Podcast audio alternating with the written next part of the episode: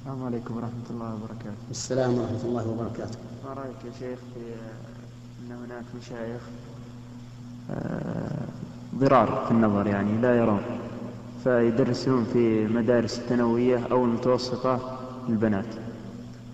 فعندما تريد آه، المرأة عند قراءة القرآن يجب أن ترتل فما رأيك عن تحسين صوتها أمام الرجل؟ تدريس الأعمى للنساء إذا كان موثوقا لا بأس به.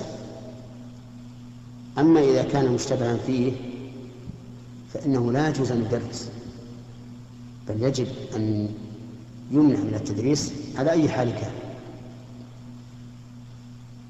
ويبقى السؤال إذا درس هل يجوز للمرأة أن تنظر إليه؟ والجواب نعم يجوز أن تنظر إليه. بشرط أن لا يكون ذلك عن شهوة. لأن نظر المرأة إلى الرجال ليس بحرام. ودليله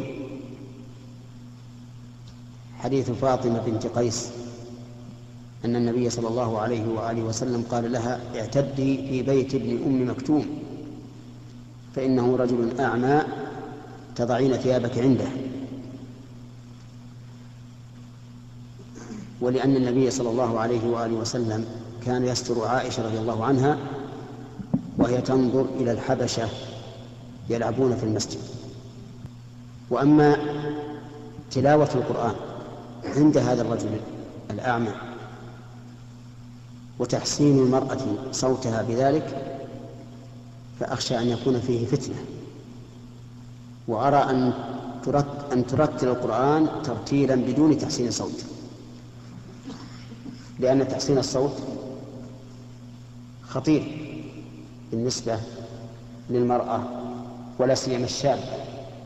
وقد قال الله تبارك وتعالى لنساء نبيه صلى الله عليه وآله وسلم ولا تخضعن بالقول فيطمع الذي في قلبه مرض وقلن قولا معروفا فهي ترتل لكن بصوت عالي بدون تحسين ولا تحسن صوتها. نعم.